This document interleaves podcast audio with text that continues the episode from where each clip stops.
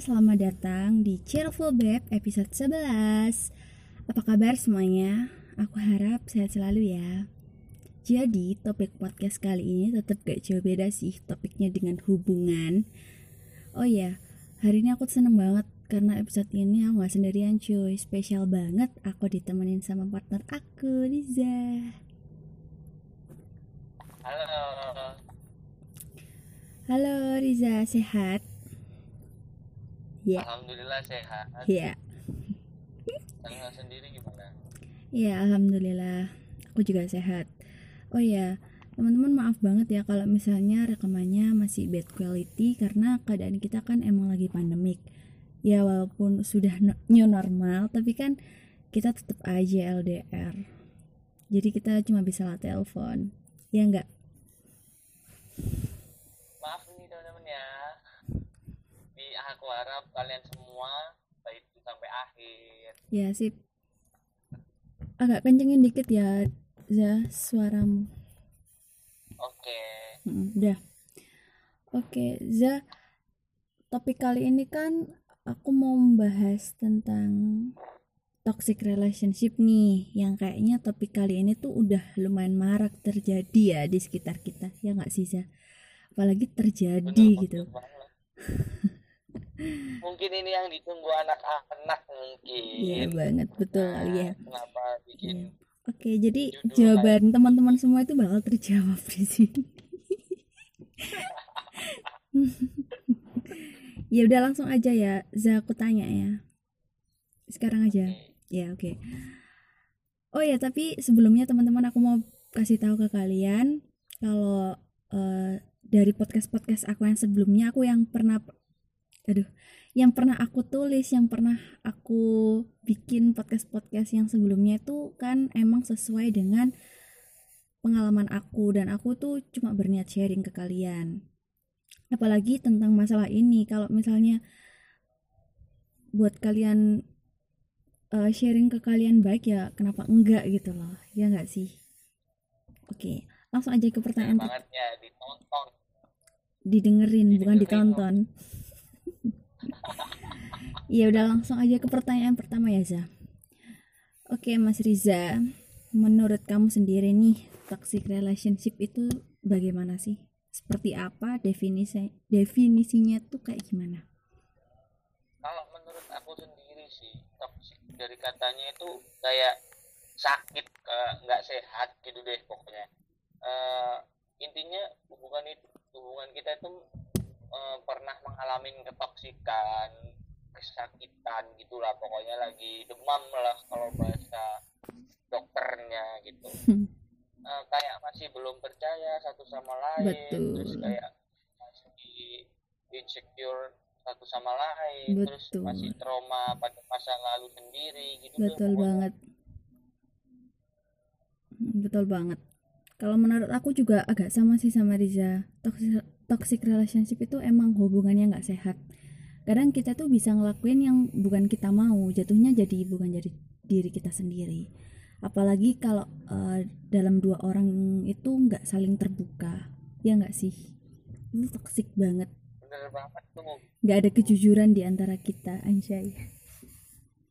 Tapi di setiap hubungan pasti mengalami ketoksikan kok. Iya, eh, jadi nggak usah khawatir, oke? Aduh, maaf banget ya teman-teman kalau misalnya masih rame quality rekamannya. Soalnya aku masih nggak punya tempat untuk rekaman, hehe. Jadi maklumin. Oke Riza, pertanyaan kedua ya. Udah itu aja kan? Apa ada tambahan yang tadi?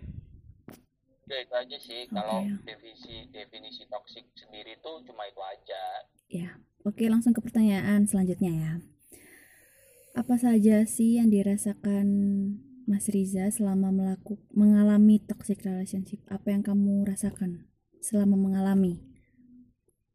Oh banyak, ada tentunya juga ada positifnya, ada negatifnya Iya. juga. gitu. Negatif dulu aja deh. lebih pak, tapi lebih banyak menurut aku sih lebih banyak kayak ih nggak baik nih gitu. Nah, tapi kalau sisi positif sisi positifnya ada gitu. Ya, Dan Negatifnya itu apa aja sih? negatif itu kayak kita tuh kalau dari sisi negatif itu kita itu kayak eh, tidak peduli dalam sekitar gitu kayak di, dijauhin sama teman-teman dicap untuk dia lupa nih sama teman gitu sih sisi negatifnya. Terus kayak eh, pokoknya gak enak dah pokoknya. Terus kalau sisi po- positifnya tuh kayak kita lebih punya waktu banyak sama cewek sama salsa sama pasangan. lebih banyak waktu dan ya dengan pasangan. Terus kita Hmm. lebih apa ya lebih terbuka kalau kita kayak gitu sih. Tapi suatu saat kita sampai mikir nih kalau kayak gini terus kita terjebak nih dalam zona kayak gini. Udah ah apa aja. Keluar keluar dari zona ini gitu. Oh ya mau tanya dong. Kalau misalnya kan tadi Ri- kamu bilang kalau bakal dijauhin teman-teman. Nah apa yang membuat ya kamu kok bisa dijauhin sama teman-teman? Ya mungkin teman-teman nganggapnya ah dia sekarang ke ceweknya tok gitu ke Iya, ceweknya iya, betul, terus betul, gitu betul. kan. tapi sebenarnya enggak gitu loh kayak Iya, tuh di jelasin itu- alasannya. eh, kita tuh di dalamnya kayak nggak punya siapa-siapa yang yang bisa dipercaya banget kalau memang sekedar banget. teman kalau memang sekedar teman Ya, bisa. gampang gitu Heeh. kita berteman kita bergaul itu bisa gitu tapi kalau untuk eh, keluh kesah masalah yang di keluarga kita cuma punya eh, yang kita pikir itu oh masalah saja ya Ya, eh, dan sebaliknya. aku Heeh. dan aku kalau mau cerita ke teman-teman yang aku akrab dulu kayak ah kita kan punya teman nih terus kita mau cerita takut kita itu berpikiran ah ini butuhnya doang nih ke kita nih gitu jadi Betul banget. kita kayak kita lebih sungkan eh, mau cerita terus ya ya udah akhirnya kita pasrahin semua ke pasangan kita jadi keliru Bukannya kita lupa teman ya, enggak. Cuma ya, kalau- sungkan betul banget. Kalau kita ke A nanti A bilang kita butuh doang. Ya, ya udah, mau gimana? Udah ada tambahan lagi nggak? ya kalau menurut aku itu udah cukup sih udah ngejelasin semuanya gitu Iya. kalau dari kata-kata Oke, langsung ke pertanyaan selanjutnya ya, sebelum azan. oke lanjut Eh, kamu percaya nggak sih kalau toxic relationship itu bisa pulih dari pengalaman kamu ya? oh percaya banget sih soalnya dalam setiap hubungan itu kayak ah setiap hubungan tuh pasti mengalami ketoksikan ini karena ketoksikan ini tuh kayak membimbing kita menjadi seseorang yang berhubungan menjadi lebih dewasa Lebih baik.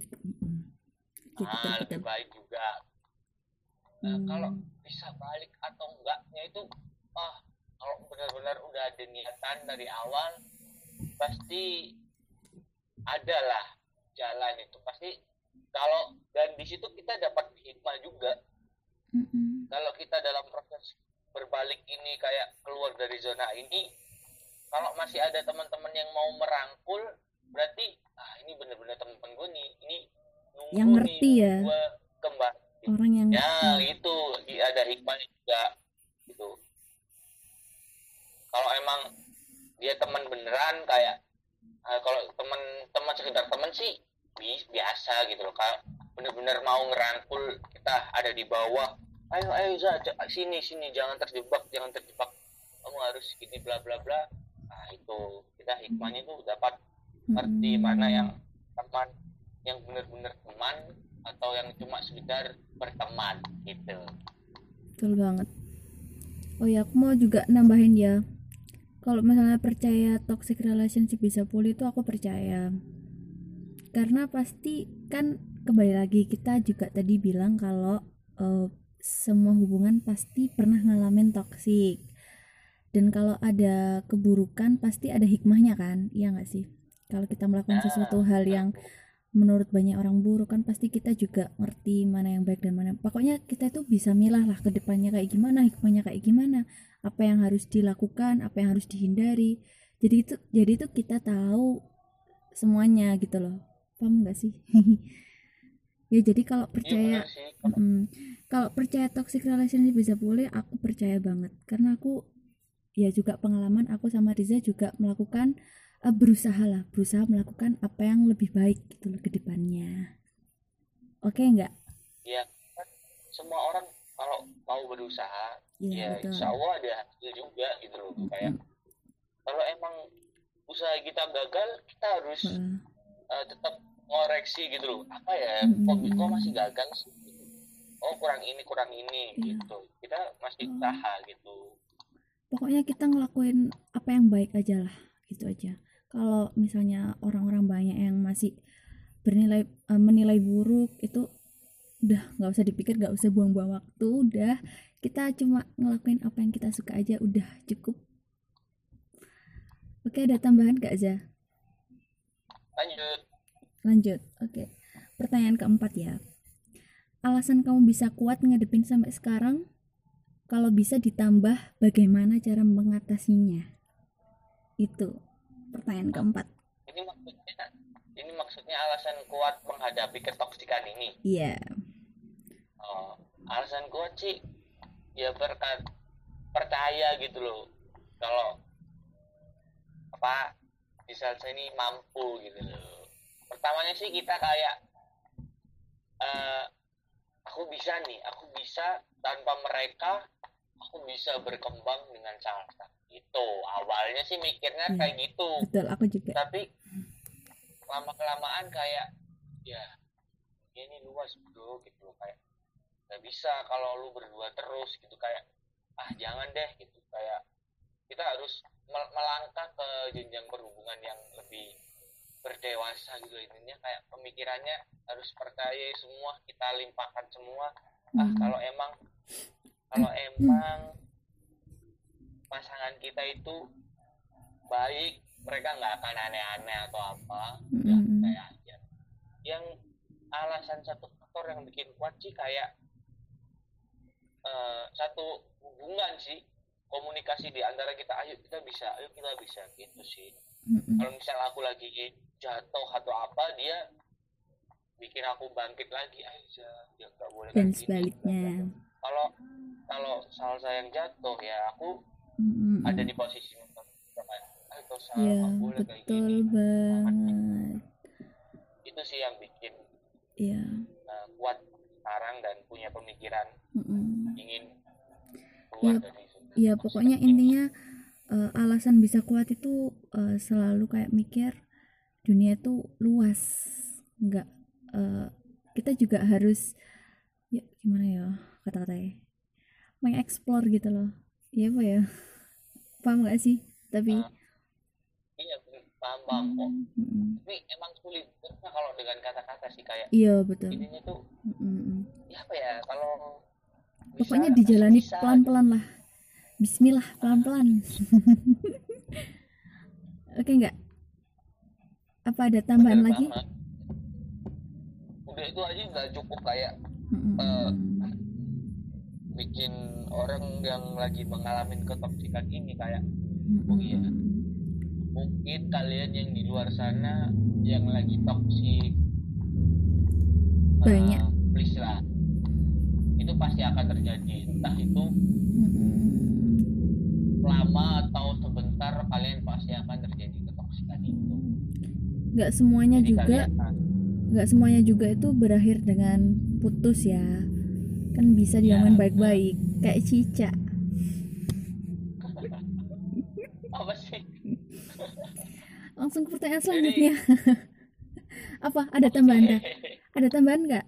Kalau ya, ada ada sih. Ya apa apa jadi buat kalian yang lagi berhubungan nih yang lagi awal-awal kalian harus siap mengalami ketoksikan yang di mana kalian lebih mementingin pacar daripada temen itu harus siap juga dijauhin sama temen dan mm-hmm. kalian harus siap juga dihujat di apa harus siap mm-hmm. tapi kalau emang banyak hujatan kalian juga harus sadar diri atau introspeksi diri oh kita ini gini nih kita mm-hmm. harus coba dan itu tuh emang Jadi seleksi alam sih ya. Ah bener tuh. Itu kayak ah ini emang faktornya uh, emang harus terjadi toksik ini dan kayak walaupun itu sebentar ya alhamdulillah kalau teman-teman yang di luar sana yang lagi hubungan mengalami ketoksikan yang sebentar lalu mempunyai sifat yang dewasa itu ucap banget lah menurut aku gitu. Uh, uh, yes, pokoknya gitulah. butuh waktu lama mengakui ketoksikan ini kayak oh, mm akhirnya kita ya diomongin baik-baik dijalanin bareng-bareng. Lama-lama juga indah kok. Lanjut deh. Kayak pertanyaan kelima. Eh kelima gak sih? Ya kelima ya. Yeah. pesan dan kesan agar teman-teman deng yang dengerin itu nggak ikut terjebak. Itu tadi udah termasuk nggak sih? Ya. Iya sih kalau menurutku eh, kata-kata uh, pertanyaan nomor empat tuh menjalar ke mana-mana gitu. Kalau pesan dan kesannya tuh kalau kalian belum siap berhubungan gitu kalau kalian masih ya masih putus nyambung kayak gitu-gitu nah, cepet bilang ah, putus konflik dikit putus bosan dikit putus. Ah jangan deh gitu loh. Kalau mau berhubungan kalian harus sama-sama siap sama-sama aduh pokoknya harus berhubungan harus saling percaya deh pokoknya itu kalau dan kalau ada masalah kayak gini kalian harus yakin sama pasangan kalian dan diri kalian sendiri. Gitu. Ya betul. Kita bisa keluar dari masalah itu. Iya, dijalanin bareng-bareng aja dah pokoknya. Kapan? Gitu. Oh ya, uh, ini yang terakhir nih, aku mau minta maaf nih ya sama teman-temannya Salsa, sama pokoknya intinya teman-temannya Salsa yang kayak misalnya Salsa diajak ngopi terus alasan bohong ke kalian. Sorry banget soalnya sama itu ngelakuin demi itu guys. Hmm. demi aku teman-teman. Sorry kayak uh, minta maaf banget lah pokoknya. Dan yang pernah aku kayak negatif thinkingin aku minta maaf banget sama teman-temannya Salsa Iya pasti orang kan juga soalnya, hilaf lah ya. Iya. Sorry nih guys, soalnya bener-bener waktu itu masih trauma lah dalam masa lalu sendiri gitu kayak oke okay.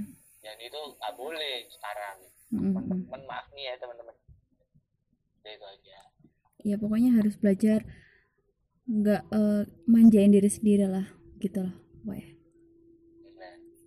Tapi aku nggak minta maaf ya ke teman-temanmu. Hati-hati kamu pulang. Di sini dibegal ya udah sampai sini aja ya. Cukup gak apa ada tambahan?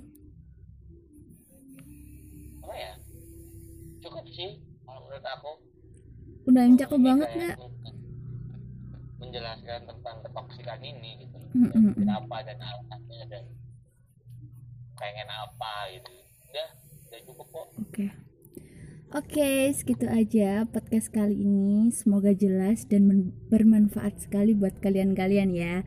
Mohon maaf bila ada salah kata. Terima kasih udah mendengarkan. Semoga kalian suka. Jangan lupa follow akun Instagram kami @salsashi atau S A L S A X X I dan @underscore Trizareski. Terima kasih.